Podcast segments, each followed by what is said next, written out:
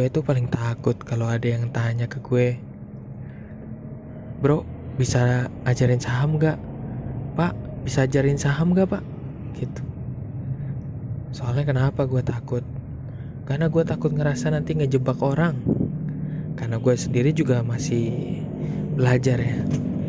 Ini merupakan pertanyaan yang sulit yang sering kali sulit banget gue jawab. Sebenarnya gampang sih tinggal jawab aja gampang sebenarnya tapi sulit. Sulit ngajarinnya gitu. Apa ya?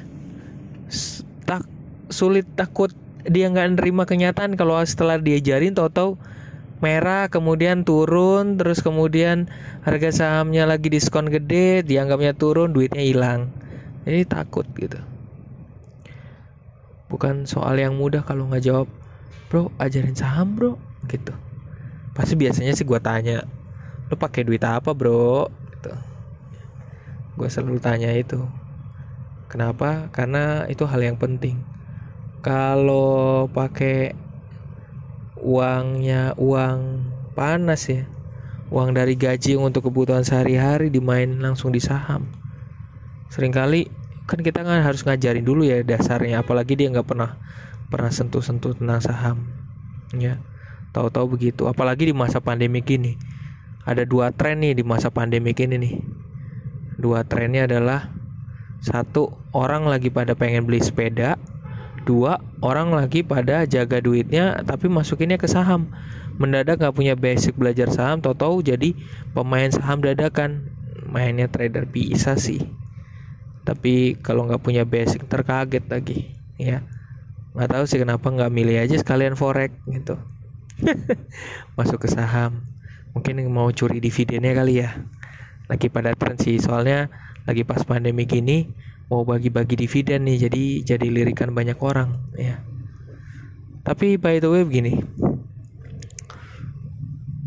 kalau mau jadi trader harus belajar harus punya basic. Kalau mau jangka panjang oke okay lah gitu. Bisa lah diajarin pelan-pelan uh, pelan-pelan. Karena kita harus kenal kenal dulu gitu. Satu persatu itu dulu ya satu persatu. Nah kedua pakai modal apa nih? Gue sih kurang setuju kalau harus pakai modal duit. Duit yang harusnya dipakai buat di rumah tangga atau duit anda yang buat bertahan hidup tahu-tahu dipakai buat pemain saham. Ntar nggak balik loh duitnya. Ternyata tujuannya makanya apa dulu nih? Ya kenapa langsung to the point saham? Tuju, tujuannya apa dulu? Gitu. Ya lo percaya nggak kalau ada temen gue? Sorry ya gue di sini gue cerita apa adanya. Teman gue minta diajarin main saham tapi duitnya untuk kebutuhan sehari-hari masih kebutuhan sehari-hari. Jadi belum ada duit dingin gitu ibaratnya. Wah ini bahaya nih bro. Kalau kayak gini Nah, jatuh-jatuhnya ntar kalau lagi minus lu lagi butuh duitnya, nggak tahu tujuannya sebenarnya mau invest tuh tujuannya apa. Ternyata buat jangka pendek, kaget deh. Tahu-tahu saham kan buat jangka panjang. Takutnya kaget ntar duitnya nggak balik. Wah repot. Bahaya. Jadi so pastikan dulu berinvestasi tuh pastikan dulu lo punya nggak modalnya? Terus tujuannya apa gitu. Kenali dulu tujuannya berinvestasi. Ya lo sampai mau milih saham kenapa lo milih saham? Sampai lo mau reksadana pasar uang kenapa memilih pasar pasar uang?